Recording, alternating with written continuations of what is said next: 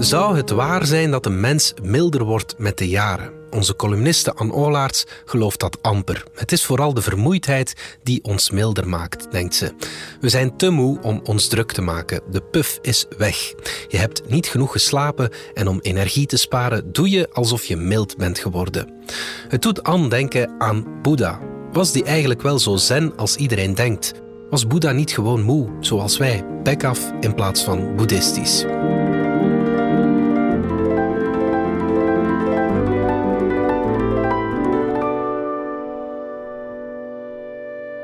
Of moe? Een mens wordt milder met de jaren. Leugenachtig axioma dat het is. Alsof leeftijd een verdienste is. Straffer nog, alsof ouder worden een oefening is. In het loskomen van flauwiteiten.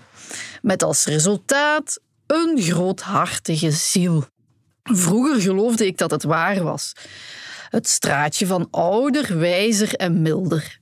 Mensen zouden aangenamer worden in de omgang door kalender na kalender boven hun eigen ergernis uit te stijgen.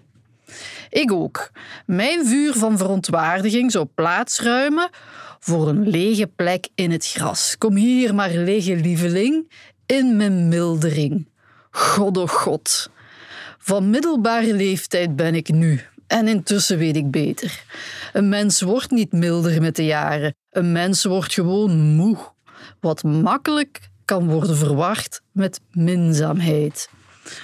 Sommige ouden vandaag maken daar gretig gebruik van. Ver van zijn ze mild. Moe zijn ze, soms zo moe dat ze hun fatsoen niet meer kunnen ophouden. Ter illustratie, vorige week zat ik in de bibliotheek aan de leestafel.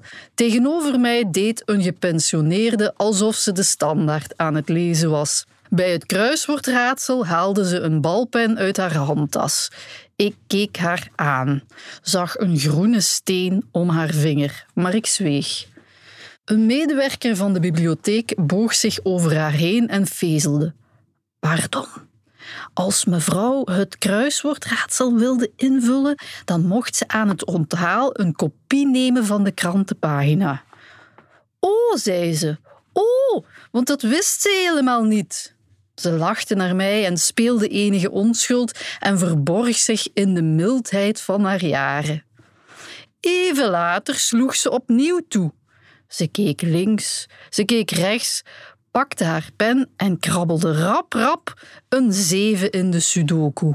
Ze kon het niet laten en dat er drie vakjes verder een drie moest komen, dat wist ze ook. Hup, en maar schrijven. Ik zei niks, omdat ik wist dat ik alles ging noteren voor in de krant. Zo mild ben ik dus geworden. Maar vroeger had ik het nog kwaaier.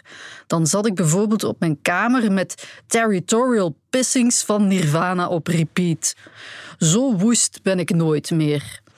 Maar of het een bewijs is van langmoedigheid, Nee, ouder worden maakt geen beter mens van mij. Het is de slow-mo die me langzaam opslokt. De puf is weg. Je hebt niet genoeg geslapen en om energie te sparen doe je alsof je mild geworden bent. Mildheid is de pragmatiek in de uitputting. Of simpeler gezegd, over de meeste dingen heb ik me al lang eerder opgejaagd.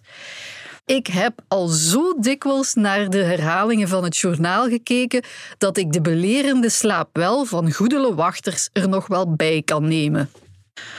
Onlangs had ik een discussie over de verwantschap tussen mild en moe. Mijn gesprekspartner en ik kwamen snel tot hetzelfde besluit. Mildheid is een soort van vermoeienis. Het deed me denken aan Boeddha. Was Boeddha eigenlijk wel zo zen als iedereen denkt? Was Boeddha niet gewoon moe, zoals wij, back af, eerder in plaats van boeddhistisch? Boeddha was 35 jaar op het hoogtepunt van zijn spirituele leven.